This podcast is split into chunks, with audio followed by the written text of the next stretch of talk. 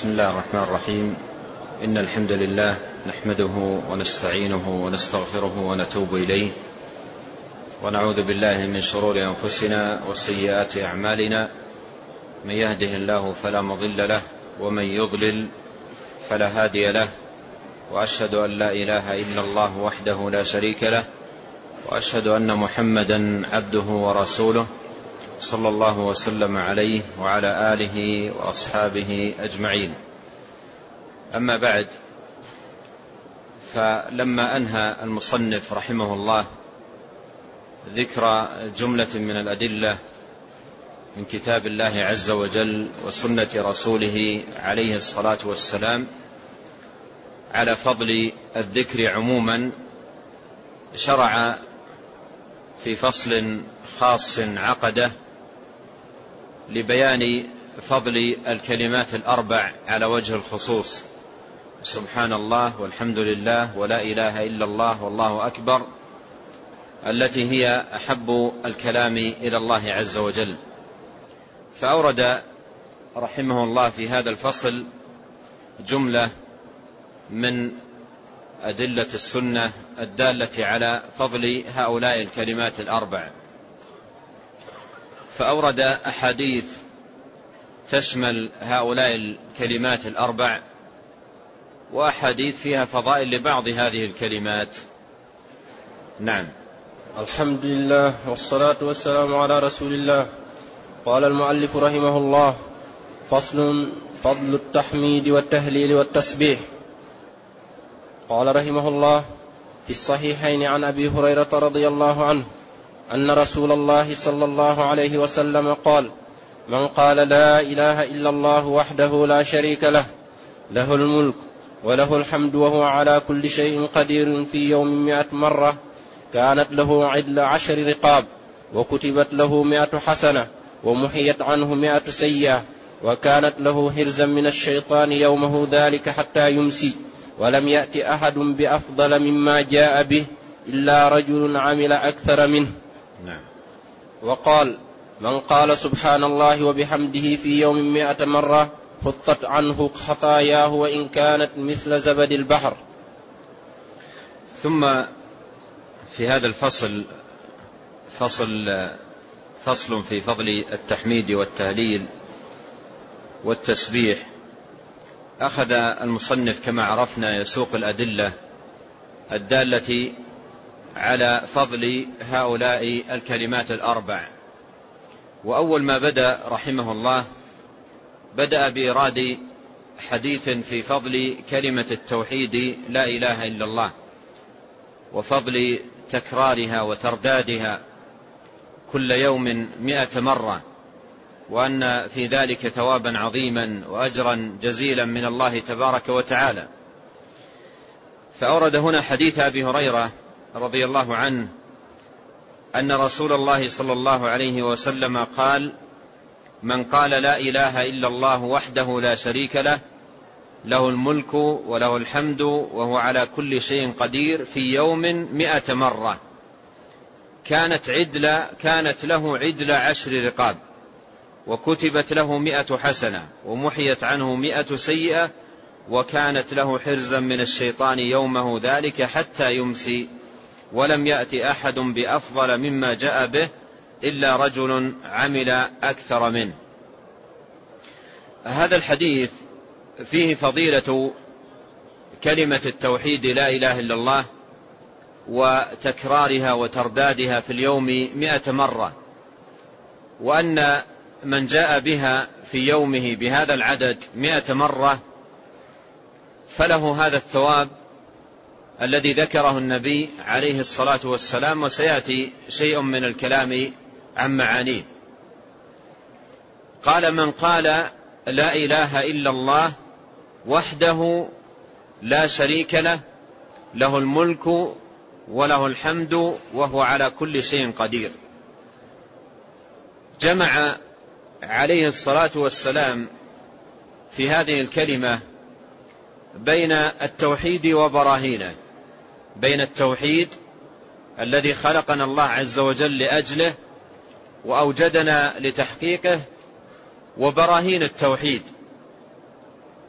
ودلائله الدالة على وجوب إخلاصه لله تبارك وتعالى وإفراده به دون سواه سبحانه وتعالى. أما التوحيد فيدل عليه هنا كلمة التوحيد. لا إله إلا الله. فهذه الكلمة العظيمة هي كلمة التوحيد. وهي أجل الكلمات وأفضلها وأعظمها على الإطلاق. ولا يوجد مطلقا في الكلمات كلمة أفضل من هذه الكلمة. كما قال عليه الصلاة والسلام وخير ما قلته أنا والنبيون من قبلي لا إله إلا الله وحده لا شريك له له الملك وله الحمد وهو على كل شيء قدير. فكلمة التوحيد لا إله إلا الله هي أفضل الكلمات على الإطلاق وهي أحسن الحسنات وأجل الطاعات وهي كلمة التوحيد أي أنه لا توحيد إلا بها. معنى أنها كلمة التوحيد أي لا توحيد إلا بهذه الكلمة هي كلمة التوحيد التي عليها قيام التوحيد. فالتوحيد لا يقوم إلا على هذه الكلمة وعلى ما دلت عليه. لا إله إلا الله هذا هو التوحيد. التوحيد لا إله إلا الله. التوحيد أن نحقق ما دلت عليه كلمته. أن نحقق ما دلت عليه هذه الكلمة. لا إله إلا الله. وإذا تأملنا هذه الكلمة نجد أنها قائمة على ركنين. نجد أنها قائمة على ركنين النفي والإثبات. لا إله نفي إلا الله إثبات. ولا توحيد إلا بالنفي والإثبات الذي اللذين دلت عليهما كلمة التوحيد. لا توحيد إلا بالنفي والإثبات اللذين دلت عليهما كلمة التوحيد لا إله إلا الله ولا يكون المرء موحدا إلا بهذا النفي والإثبات الذي تدل عليه هذه الكلمة لا إله نفي إلا الله إثبات. وعندما تقول أيها المسلم لا إله إلا الله تنفي وتثبت لا بد مع قولك لها أن تعرف ما الذي نفيته وما الذي أثبته لا بد أن تعرف ما الذي نفيته وما الذي أثبته ليكون نفيك وإثباتك عن علم. كما أمرك الله عز وجل. قال سبحانه وتعالى إلا من شهد بالحق وهم يعلمون. قال المفسرون رحمهم الله إلا من شهد بلا إله إلا الله وهم يعلمون معنى ما شهدوا به. إلا من شهد بالحق وهم يعلمون الحق لا إله إلا الله. وهم يعلمون أي يعلمون معنى ما شهدوا به. وقال تعالى فاعلم أنه لا إله إلا الله لا بد من العلم. فمن يقول لا إله إلا الله ينفي ويثبت لا بد أن يعرف ما الذي نفاه وما الذي أثبته. ولا توحيد إلا بهذا. لا توحيد إلا بهذا. والنفي الذي اشتملت عليه هذه الكلمة هو نفي عام. نفي عام. لا إله. نفي عام للعبودية عن كل من سوى الله. تنفي العبودية نفيا عاما عن كل من سوى الله. إلا الله إثبات خاص. إثبات للعبودية بكل معانيها لله وحده. ففي قولك لا إله إلا الله نفي للعبودية عن كل من سوى الله وإثبات للعبودية بكل معانيها لله وحده. فلا إله إلا الله أي لا معبود بحق إلا الله تبارك وتعالى. لا يستحق العبادة ولا أن تصرف له الطاعة إلا رب العالمين جل وعلا. لا إله إلا الله نفي وإثبات. هذا هو التوحيد. ولما كان مقام التوحيد مقاما عظيما وشأنه شأنا جليلا أكده هنا أكده هنا في هذا الحديث وفي هذا التهليل المبارك. أكد التوحيد بركنيه النفي والإثبات وذلك في قوله وحده لا شريك له. ماذا تعني وحده لا شريك له؟ التي جاءت عقب كلمة التوحيد.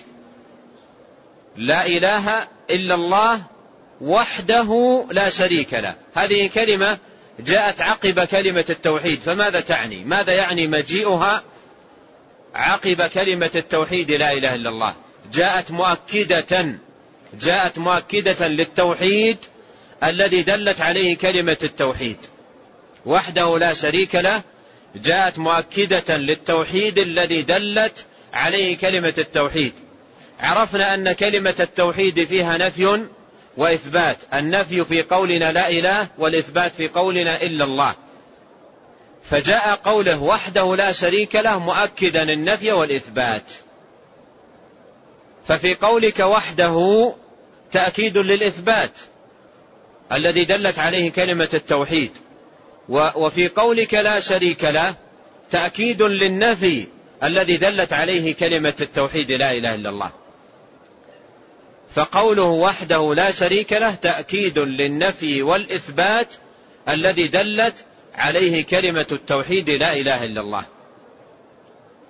إذا هذا هو التوحيد. لا إله إلا الله وحده لا شريك له. هذا هو التوحيد الذي خلقنا لأجله وأوجدنا لتحقيقه. وعرفنا معنى هذه الكلمة أنها تنفي العبودية عن كل من سوى الله وتثبت العبودية بكل معانيها لله تبارك وتعالى وحده.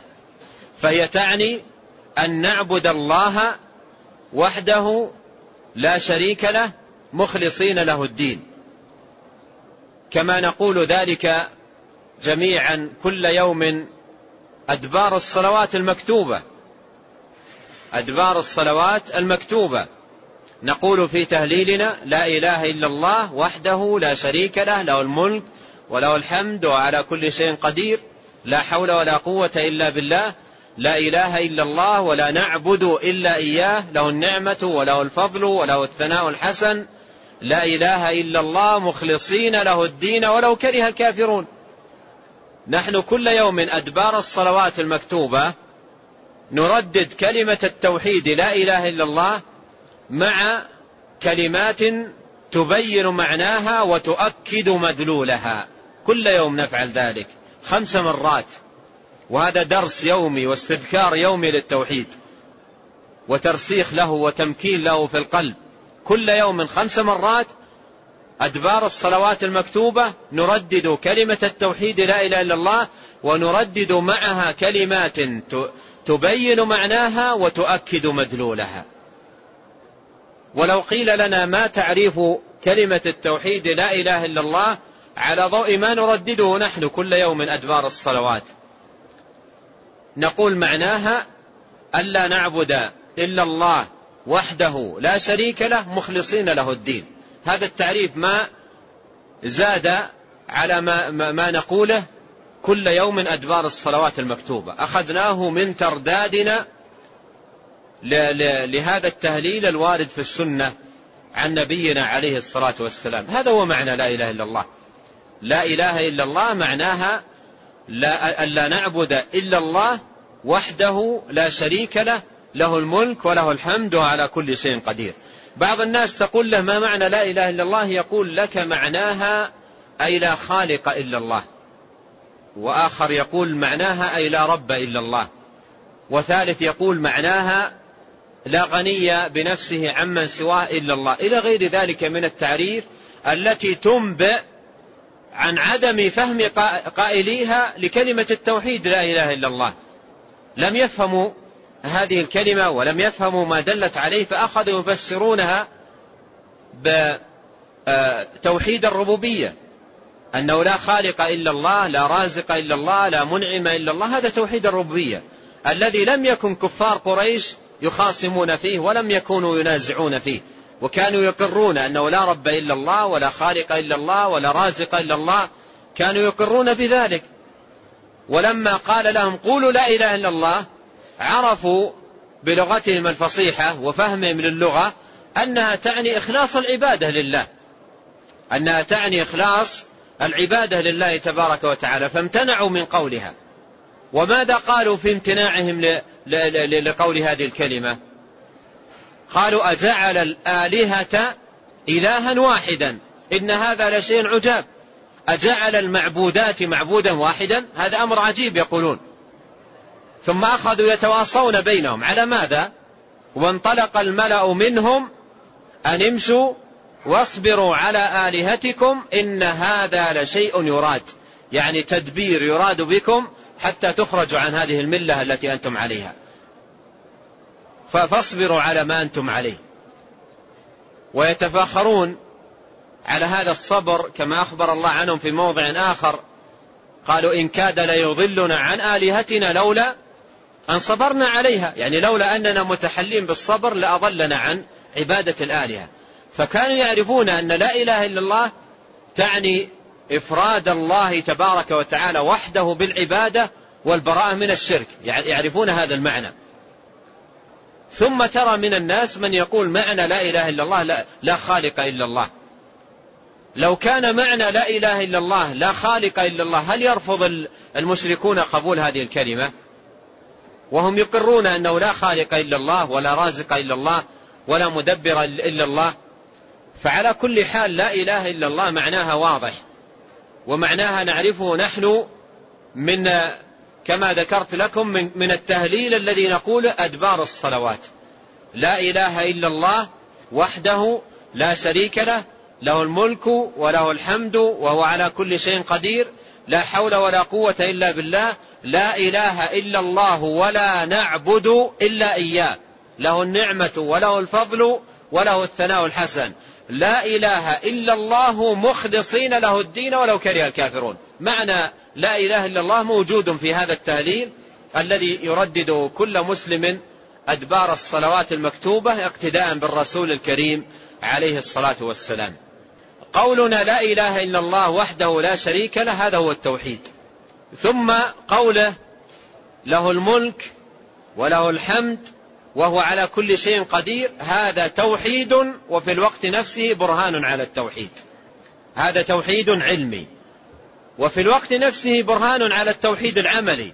وينبغي أن ننتبه لهذا لأن التوحيد الذي خلقنا الله عز وجل لأجله وأوجدنا لتحقيقه نوعان علمي وعملي. علمي وعملي. العملي ما دل عليه قولنا لا إله إلا الله وحده لا شريك له. والعلم ما دل عليه قولنا له الملك وله الحمد وهو على كل شيء قدير. التوحيد العلمي أمور طلب منا أن نعلمها وأن نعرفها وأن نثبتها. والعمل المطلوب منا عمل خالص وعبادة خالصة لله تبارك وتعالى ليس معه فيها شريك. انظر التوحيد العلمي في قوله تعالى الله الذي خلق سبع سماوات ومن الأرض مثلهن يتنزل الأمر بينهن لتعلموا أن الله على كل شيء قدير وأن الله قد أحاط بكل شيء علما خلق لتعلموا علمي. وانظر التوحيد العملي في قوله وما خلقت الجن والإنس إلا ليعبدون خلق للعبادة. فالتوحيد الذي خلقنا لأجله وأوجدنا لتحقيقه نوعان علمي وعملي. عملي أن نخلص العبادة لله والا نجعل مع الله شريكا فيها. وعلمي أن نثبت عظمة الله نثبت أن الملك لله أن الحمد لله أن الله على كل شيء قدير أن الله بكل شيء عليم. أن نثبت أسماءه وصفاته الواردة في كتابه وسنة نبيه عليه الصلاة والسلام. والتوحيد العلمي برهان على التوحيد العملي. برهان على التوحيد العملي. فيقال يا من عرفت أن الملك لله وأن الحمد لله وأن الله على كل شيء قدير خصه بالعبادة وحده وأفرده بالطاعة وحده أفرده وحده بالذل كما أنك تقر أنه وحده الملك لا ند له الذي له الحمد لا شريك له. الذي هو على كل شيء قدير فخصه وحده بالعبادة. لا تصرف شيئا من العبادة لغيره. إذا كنت تعلم أنه له الملك كله وله الحمد كله ومنه الفضل وحده تبارك وتعالى وهو الذي على كل شيء قدير لما تصرف شيئا من العبادة لغيره؟ لما تدعو غيره؟ لما تسأل غيره؟ لما تدل لغيره؟ التوحيد العلمي برهان. واضح على التوحيد العملي. ولهذا قال له الملك أي الملك كله لله وحده. الملك كله لله وحده. ليس لله تبارك وتعالى شريك في الملك. ليس لله شريك في الملك ولا في مقدار ذرة. لا يوجد مخلوق من المخلوقات يملك في هذا الملك العظيم ولا مثقال ذرة ملكا استقلاليا. كما قال الله في القرآن قل ادعوا الذين زعمتم من دون الله لا يملكون مثقال ذره في السماوات ولا في الأرض. ما يملك مثقال ذره؟ الذي يملك بيت أو يملك دابه أو يملك حديقة أو يملك أي شيء كان في هذه الحياة الدنيا ملكه بماذا؟ ملكه استقلالا أو ملكه بتمليك الله له؟ قل اللهم مالك الملك تؤتي الملك من تشاء وتنزع الملك ممن تشاء وتعز من تشاء وتذل من تشاء بيدك الخير. إنك على كل شيء قدير. فالملك ملك الله. ولهذا ترى شخصا يملك اليوم املاكا عظيمة جدا ثم غدا لا يملك منها شيء. إما أن يكون هو فارقها بالموت أو تكون هي فارقته بأي سبب من الأسباب. فالملك بيد الله سبحانه وتعالى ولا يملك أي أحد غير الله تبارك وتعالى ولا مثقال ذرة. في هذا الكون ملكا استقلاليا. فالملك كله لله سبحانه وتعالى. يعطيه من يشاء يعطي الملك من يشاء وينزع وينزعه تبارك وتعالى ممن يشاء. لأن الملك ملكه سبحانه. كل ما في هذا الكون ملك الله. فمن آمن بأن الملك كله لله والأمر كله بيد الله أيليق به أن يتجه إلى غير الله؟ أن يدعو غير الله؟ أن يستغيث بغير الله أن يلتجئ إلى غير الله أن يطلب المدد والعون من غير الله. هذا لا يليق بمن أقر بأن الملك كله لله تبارك وتعالى. له الملك وله الحمد الحمد كله لله لأنه هو المتفضل وهو المنعم. وما يصل إلى العبد من نعمة أيا كانت فهي منه جل وعلا. وما بكم من نعمة فمن الله. وإن تعدوا نعمة الله لا تحصوها. فالحمد كله لله أولا وآخرا ظاهرا وباطنا, وباطنا سرا وعلنا في القديم والحديث في الغيب والشهادة الحمد كله لله لأن النعم كلها منه تبارك وتعالى. النعمة نعمته والفضل فضله والعطاء عطاؤه والمن منه فالحمد له. عز وجل ليس لأحد سواه. الحمد كله لله تبارك وتعالى. وهو على كل شيء قدير. وهو على كل شيء قدير. قدرته تبارك وتعالى شاملة لكل شيء. لا يعجزه شيء في الأرض ولا في السماء. قدير على كل شيء. فقدرته سبحانه وتعالى شاملة ومشيئته نافذة. أي شيء يشاؤه سبحانه وتعالى يكون. لا يمكن أن يتخلف. لا معقب لحكمه ولا راد لقضائه سبحانه وتعالى. فمن عرف ربوبية الله عز وجل العامة الشاملة لكل شيء وقدرته سبحانه وتعالى وعلمه الذي أحاط بكل شيء وملكه لكل شيء كيف يليق به أن يصرف شيئا من العبادة لغيره سبحانه وتعالى؟ ولهذا قوله له الملك وله الحمد وهو على كل شيء قدير هذا توحيد علمي وفي الوقت نفسه برهان على التوحيد العملي بمعنى أن من عرف أن الملك لله وأن الحمد لله وأن الله على كل شيء قدير وأن الله قد أحاط بكل شيء علما سبحانه وتعالى وأن مشيئته نافذة وأن قدرته شاملة إلى غير ذلك من المعاني والأمور فإن الواجب عليه أن يخلص العبادة لله فلا يدعو إلا الله ولا يستغيث إلا بالله ولا يطلب المدد والعون والنصر والشفاء إلا من الله سبحانه وتعالى. لا إله إلا الله وحده لا شريك له له الملك وله الحمد وهو على كل شيء قدير.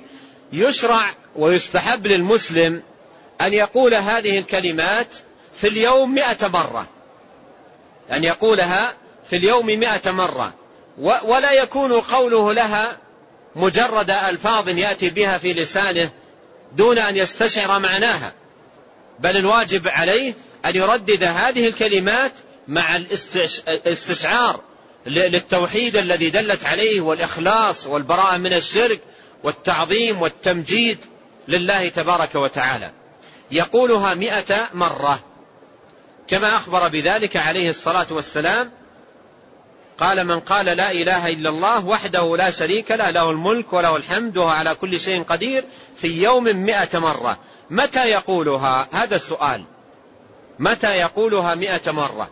هل يقولها في الصباح أو يقولها بعد الظهر أو يقولها بعد العصر؟ الحديث أطلق. الحديث أطلق. قال من قالها في يوم مئة مرة. أطلق. قال من قالها في يوم لم يقيد. في صباح أو, أو مساء أو, أو في, في الظهر أو نحو ذلك لم يقيد وإنما أطلق. لكن العلماء يقولون ماذا؟ يقولون الأولى الأولى أن تأتي بها في الصباح الباكر مع أذكار الصباح. الأولى أن تأتي بها في الصباح الباكر مع أذكار الصباح. لماذا؟ لسببين. السبب الأول مسارعة. مسارعة للخيرات ومبادرة في, في, في تحصيل هذا الخير العظيم والثواب العميم. تسارع وتبادر. وأنت مأمور بالمسارعة والمسابقة. فما دام أنه طلب منك أن تقولها في اليوم فلتبادر. ولا تدري أنت ماذا يعرض لك. تبادر وتسارع لأنك لا تدري ماذا يعرض لك. فتبادر إلى هذه الكلمة في أول النهار. هذا السبب الأول. السبب الثاني حتى تحصل ما يترتب على هذه الكلمة من الأجور العظيمة والأفضال الكريمة من أول النهار. ومن ذلكم أن تكون أن يكون ذلك حرزا لك من الشيطان. حرزا لك من الشيطان كما سيأتي معنا في الحديث. إذا قلتها مئة مرة كان كان ذلك حرزا لك من الشيطان حتى تمسي. فليكن هذا الحرز الذي لك من الشيطان آه، ليكن من أول من أول اليوم. لا لا يكن من وسط النهار ولا يكون أيضا في آخر النهار بل تبادر إلى الإتيان بهذه الكلمات مئة مرة في أول النهار وفي أذكار الصباح حتى تكون حرزا لك من الشيطان من أول يومك. قال كانت له عدل عشر رقاب. عدل عشر رقاب يعني له ثواب يعادل عشر رقاب يعني كأنه أعتق عشر رقاب في سبيل الله تبارك وتعالى. فهذا الثواب الأول الذي تناله عند قولك لهذه الكلمات في اليوم مئة مرة. الثواب الأول أنها تعادل عشر رقاب. عدل عشر رقاب أي مثل أو ما يعادل عشر رقاب. كأنك اعتقت عشر رقاب في سبيل الله تبارك وتعالى. فهذه الفضيلة الأولى. الفضيلة الثانية وكتبت له مئة حسنة. كتبت له مئة حسنة. يعني بكل كلمة من, من, من هؤلاء الكلمات يكتب لك حسنة عند الله تبارك وتعالى. ثم الحسنة التي تكتب لك هنا أي حسنة؟ انتبه هنا. الحسنة التي تكتب لك هنا أي حسنة؟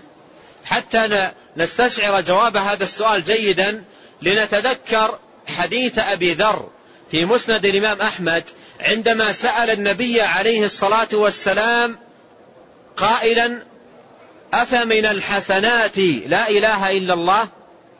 أفمن الحسنات؟ هذا هو السؤال. أفمن الحسنات لا إله إلا الله؟ فماذا كان جواب نبينا عليه الصلاة والسلام؟ ماذا كان جوابه؟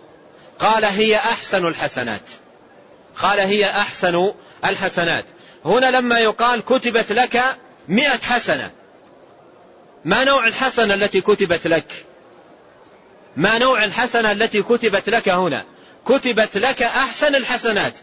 كتبت لك أحسن الحسنات كما يبين, يبين ذلك حديث أبي ذر المشار إليه. قال وكتبت له مئة حسنة أي كتبت له مئة حسنة هي أحسن الحسنات وأجلها وأفضلها. قال ومحيت عنه مئة سيئة. محيت عنه مئة سيئة أي, أي, أي يمحى عن قائل هذه الكلمة مئة, مئة سيئة من سيئاته التي قارفها وفعلها. فيمحى عنه أي تزال وتسقط عنه مئة سيئة. بقوله لهذه الكلمة مئة مرة. ففيها محو السيئات. قال وكانت له حرزا من الشيطان يومه ذلك حتى يمسي. حرزا أي حافظا وواقيا. وحصنا حصينا من الشيطان. كانت حرزا له من الشيطان. أي أن الشيطان لا يقربه. لا يقربه يومه ذلك حتى يمسي. يعني أصبح في حصن حصين وحرز متين من الشيطان الرجيم فلا يقربه الشيطان. لأنه ذكر الله. وذكر الله عز وجل بأعظم الذكر بكلمة التوحيد لا إله إلا الله مئة مرة. فلا يقربه الشيطان مطلقا حتى حتى يمسي. والحديث يدل على فائدة عظيمة جدا أن أعظم أن أعظم ما يطرد الشيطان عن الإنسان توحيد الله عز وجل. أن أعظم ما يطرد الشيطان عن الإنسان ويبعده منه توحيد الله سبحانه وتعالى. ولهذا من قرأ آية الكرسي وهي آية التوحيد التي أخلصت له من قرأها عندما يأوي إلى فراشه لا يقربه شيطان حتى يصبح لأن الشيطان لا لا لا يستطيع أن يقترب من التوحيد. فالتوحيد يطرده ويبعده وينحيه عن المكان أعظم تنحية. فهذا فيه فضل التوحيد وفضل كلمة التوحيد لا إله إلا الله وحده لا شريك له له الملك وله الحمد وهو على كل شيء قدير. قال وكانت له حرزا من الشيطان يومه ذلك حتى يمسي. الفضيلة الأخيرة قال ولم يأتي أحد بأفضل مما جاء به إلا رجل عمل أكثر منه إلا رجل عمل أكثر منه. يعني إلا رجل أتى شاركه بهذه الفضيلة ثم عمل أكثر منه. عمل ماذا؟ عمل أبواب الأعمال كثيرة. أبواب الأعمال كثيرة. من صلاة من صدقة من بر للوالدين صلة للأرحام صدقات إلى غير ذلك. إلا رجل عمل مثله وزاد عليه. عمل مثله يعني شاركه في هذه الفضيلة ولكنه زاد عليه في فضائل أخرى. من صدقات من صلوات من آه، تلاوة للقرآن من بر وصلة وإحسان إلى غير ذلك من أبواب البر والأعمال الصالحة. قال ومن قال سبحان الله وبحمده في يوم مئة مرة حطت عنه خطاياه وإن كانت مثل زبد البحر. حطت عنه خطاياه وإن كانت مثل زبد البحر. من قال سبحان الله وبحمده أي جمع بين التسبيح والتحميد مئة مرة على هذه الصيغة الواردة هنا في الحديث سبحان الله وبحمده. سبحان الله أي أسبح الله. سبحان الله أي أسبح الله تسبيحا. أنزهه تنزيها. والتسبيح هو تنزيه الله وتقديسه وتبرئته سبحانه وتعالى عما لا يليق به. فكلمة سبحان الله كلمة تنزيه لله تبارك وتعالى. ويا إخوان الواجب على المسلم عندما يقول هذه الكلمات سواء سبحان الله أو الحمد لله أو الله أكبر أو لا حول ولا قوة إلا بالله أو غيرها من الكلمات المأثورة والأذكار المشروعة. الواجب عليه أن يقولها وهو يعرف معناها ويعرف مدلولها حتى يكون تلفظه بها وترداده لها عن علم وعن دراية بما يقول وبما يتلفظ به. فسبحان الله هذه كلمة تنزيه. تنزيه لله تبارك وتعالى وتقديس الله وتبرئة الله سبحانه وتعالى عما لا يليق به. أسبح الله أي أنزه الله.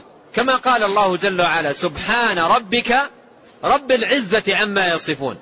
سبحان الله سبحان ربك رب العزة عما يصفون. أي أنزهه عما يصفه به أعداء الرسل. فتسبيح الله هو تنزيه الله. ولهذا تأتي هذه الكلمة في القرآن في موضع التسبيح. وقالوا اتخذ الرحمن ولدا. ماذا نقول؟ وقالوا اتخذ الرحمن ولدا سبحانه يعني ننزهه عن ذلك.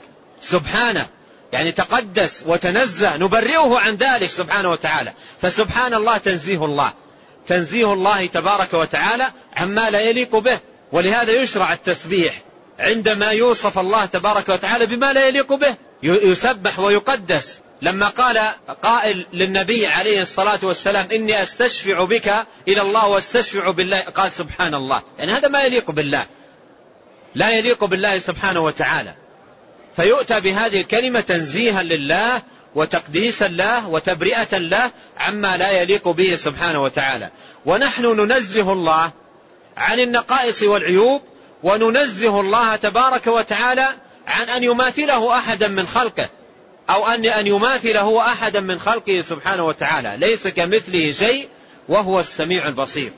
فهو منزه عن التمثيل ومنزه تبارك وتعالى عن النقائص والعيوب. هذا معنى قولنا سبحان الله آه، قال من قال في, في يوم سبحان الله وبحمده. سبحان الله عرفنا معناها. وبحمده أي ومتلبسا بحمد الله. أو حامدا لله تبارك وتعالى. فيكون الواو إما للعطف أو تكون الواو للحال. سبحان الله وأسبح الله و و وأنا متلبس بحمده. أسبح الله وأحمد الله عاطفة. أسبح الله وأحمد الله تبارك وتعالى. والحمد هو الثناء على الله. الحمد هو الثناء على الله تبارك وتعالى مع الحب له سبحانه. حمد له على أسمائه وصفاته وحمد له على نعمه وآلاه وآلائه سبحانه وتعالى. ولاحظ هنا في قولك سبحان الله وبحمده فيه جمع بين أمرين.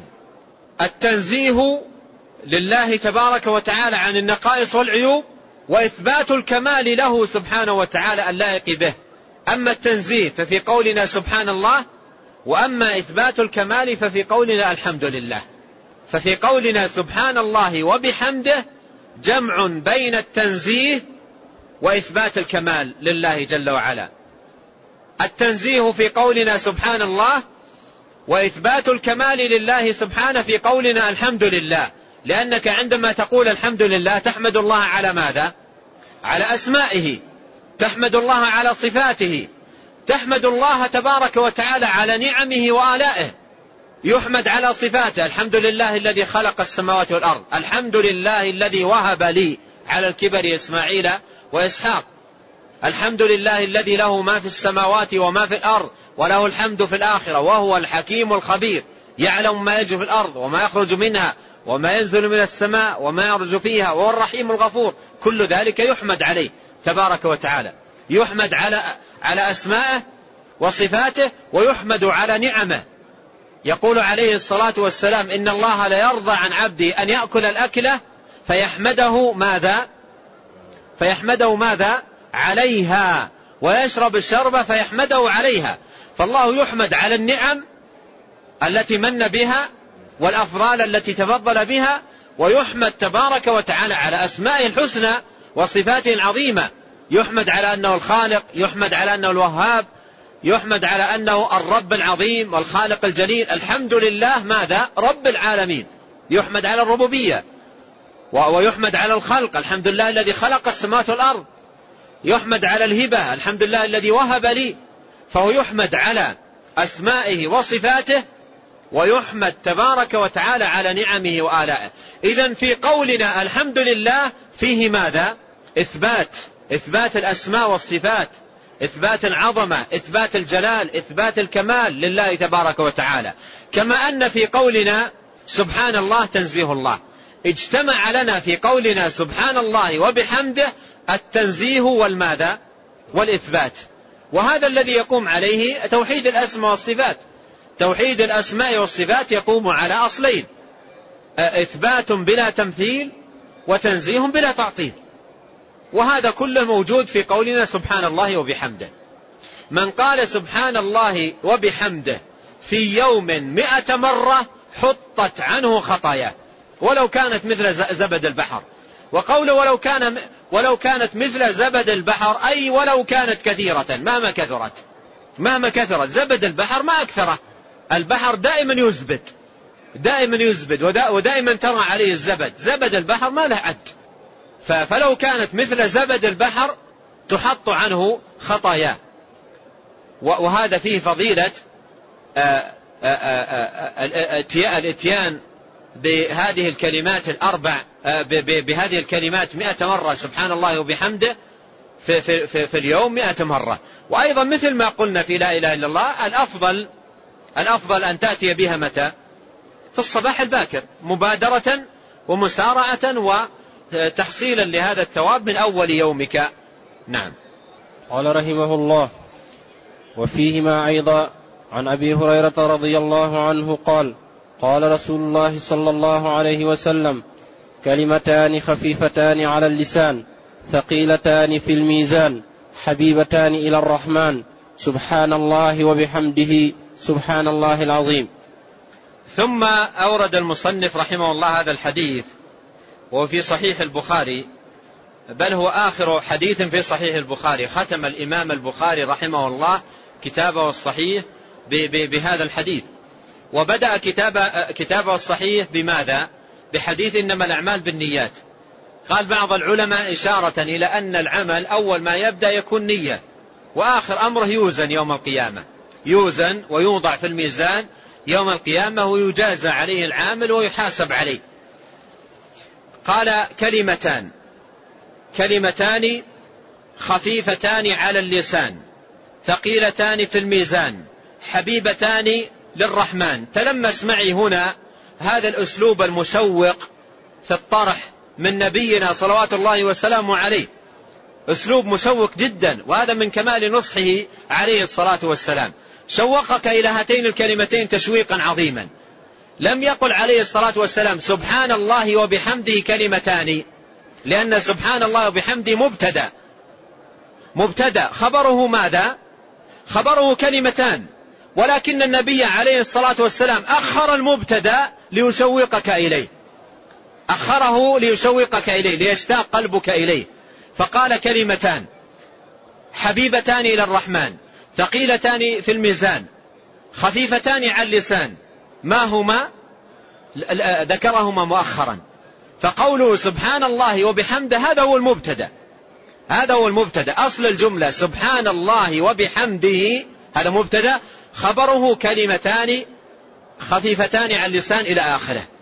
لكنه عليه الصلاة والسلام أخر المبتدأ وأكثر من وصف الخبر. وأكثر من وصف الخبر. الخبر كلمتان. سبحان الله وبحمده كلمتان.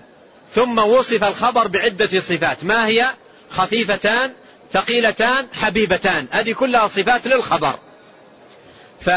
فهنا القلب يطير شوقا. القلب يطير شوقا لمعرفة هذا الأمر. فهذا أسلوب تشويق وترغيب. وهو ناشئ من كمال نصح نبينا عليه الصلاة والسلام. أرأيتم الآن حتى ندرك قوة التشويق هنا. لو أنك لم تسمع بهذا الحديث ولا مرة. ما مر عليك في حياتك. لم يمر عليك هذا الحديث في حياتك أبدا. ما سمعت به. ثم قال لك قائل جاء في حديث صحيح عن النبي عليه الصلاة والسلام أنه قال كلمتان خفيفتان على اللسان ثقيلتان في الميزان حبيبتان للرحمن. وقف. وقف. عندما انتهى من من ذكر الخبر وقف. لم يذكر لك آه، المبتدأ. المؤخر. قال لك كلمتان خفيفتان على اللسان. ثقيلتان في الميزان حبيبتان للرحمن. أخبرك بها أو لا؟ تقول له إلا أخبرني. يقول لك تعال لي بعد شهر. بعد شهر تعال أخبرك بما قال النبي عليه الصلاة والسلام. هل تترك يذهب وإلا, وإلا ماذا تصنع به؟ هل تترك يذهب وإلا قلبك امتلأ شوقا؟ تقف تترجاه يا أخي لماذا؟ أعطني أنا مشتاق الآن أريد أن أسمع. أريد أن أعرف فهذا يسمى أسلوب تشويق. أسلوب تشويق القلب ينفتح ويشتاق ويتوق. وهذا من كمال نصح النبي عليه الصلاة والسلام. مر معنا قريبا ألا أنبئكم بخير أعمالكم وأزكاها عند مليككم وأرفعها في درجاتكم وخير لكم من إنفاق الذهب والورق وخير لكم من أن تلقوا عدوكم فيضرب أعناقكم وتضرب أعناقهم. قالوا بلى. قال ذكر الله. لم يقل ابتداء ذكر الله خير أعمالكم. وأزكاها عند مليك لم يقل هكذا. والمعنى يظهر من هذا. لكنه فعل ما الطريقة التي فعلها من أجل ماذا؟ التشويق. وهذا من كمال نصحه. من كمال نصحه عليه الصلاة والسلام وحسن بيانه. صلوات الله والسلام عليه. لقد جاءكم رسول من أنفسكم عزيز عليه ما عنتم حريص عليكم. هذا من حرصه علينا. صلوات الله والسلام عليه. تشويق وترغيب وتمهيد ومقدمات وفتح للقلوب. ومع ذلك عملنا قليل. ومع ذلك تقصيرنا كبير. نصح عليه الصلاة والسلام النصح المبين. وما ترك خيرا إلا دل الأمة عليه ولا شرا إلا حذرها منه. صلوات الله والسلام عليه. قال كلمتان خفيفتان على اللسان. خفيفتان على اللسان. يعني ليست ليست تكلف اللسان جهدا أو مشقة. يتحرك بها اللسان حركة خفيفة. سبحان الله وبحمده سبحان الله العظيم. كلمة خفيفة. حتى بعض الكلمات الكلام خفيف لكن بعض الكلمات تركيبها في ثقل. تركيبها في ثقل على على اللسان. وكلمات صعبة كلمات وعرة. فيها فيها شيء من الثقل وفيها شيء من الغثاثة أيضا. وتكون أيضا خروجها في في في شيء من الثقل على لسان الإنسان. لكن هذه كلمة خفيفة. تنساب مع اللسان بسهولة خفيفة جدا كما وصفها بذلك عليه الصلاة والسلام خفيفتان على اللسان. سبحان الله وبحمده سبحان الله العظيم. من أخف ما يكون على على اللسان. هذه الصفة الأولى. الصفة الثانية قال ثقيلتان في الميزان. يعني عندما توضع يوم القيامة في الميزان لها ثقل عظيم في الميزان. لها ثقل عظيم في الميزان. وهذا فيه دليل على أن هناك يوم القيامة ميزان. وهو ميزان حقيقي. له كفتان. كفة توضع فيه الحسنات وكفة توضع فيه السيئات. فسبحان الله وبحمده سبحان الله العظيم عندما تكثر منها ستكون يوم القيامة ثقيلة في ميزانك. تثقل ميزانك يوم تلقى الله سبحانه وتعالى يوم القيامة. فهي ثقيلة في الميزان. هذه الصفة الثانية. الصفة الثالثة قال حبيبتان إلى الرحمن. يعني الله سبحانه وتعالى يحب أن يسمعها من عبده. يحب أن يسمع منك سبحانه وتعالى قولك سبحان الله وبحمده سبحان الله العظيم. مع أنه غني عن قولك. ولا ينفعه تسبيحك. ولا يضره عدم تسبيحك. لا تنفعه طاعة من أطاع. ولا تضره سبحانه وتعالى معصية من عصى. ولكن هذا من عظيم كرمه وعظيم منه وكمال إحسانه وجوده سبحانه وتعالى يحب من عبده أن يحب أن يسمع من عبده هذه الكلمات. سبحان الله وبحمده سبحان الله العظيم. قال حبيبتان إلى الرحمن. وذكر هنا اسم اسم الله تبارك وتعالى الرحمن إشارة أيضا إلى حظ قائل هذه الكلمات من رحمة الله سبحانه وتعالى. حظه من رحمة الله ونصيبه من رحمة الله تبارك فهي حبيبة إلى الرحمن فمن حافظ عليها فله نصيب وافر وحظ عظيم من رحمة الله التي خص بها عباده المؤمنين وكان بالمؤمنين رحيما. فمن يأتي بهذه الكلمات ويعتني بها له حظ وافر ونصيب عظيم من رحمة الله تبارك وتعالى التي اختص بها عباده المؤمنين. قال سبحان الله وبحمده سبحان الله العظيم. جمع هنا مع التسبيح في جملتيه جمع معه في الجملة الأولى الحمد وفي الجملة الثانية التعظيم. سبحان الله وبحمده عرفنا معناها قريبا. وسبحان الله العظيم جمع مع تسبيح الله تبارك وتعالى إثبات العظمة لله. سبحان الله العظيم والعظيم اسم من أسماء الله الحسنى. وهو دال على عظمة الله.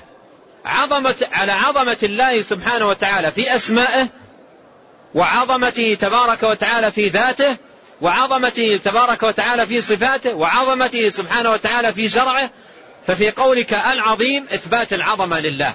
فأنت تسبح الله تنزهه وفي الوقت نفسه تعظم الله تبارك وتعالى. سبحان الله وبحمده سبحان الله العظيم كلمتان خفيفتان على اللسان ثقيلتان في الميزان حبيبتان إلى الرحمن. إذا الذي ينبغي على العبد أن أن يجاهد نفسه على الإكثار من من من من من من, من هاتين الكلمتين في كل أوقاته. هذه لا تختص بوقت معين. لا تختص بوقت معين وإنما يقولها متى شاء. في أي وقت وحين يحرك لسانه ليثقل ميزانه وليفعل أمرا حبيبا إلى الرحمن سبحانه وتعالى فيحرك لسانه بهاتين الكلمتين العظيمتين سبحان الله وبحمده سبحان الله العظيم. وإلى هنا نقف والله تعالى أعلم وصلى الله وسلم على نبينا محمد.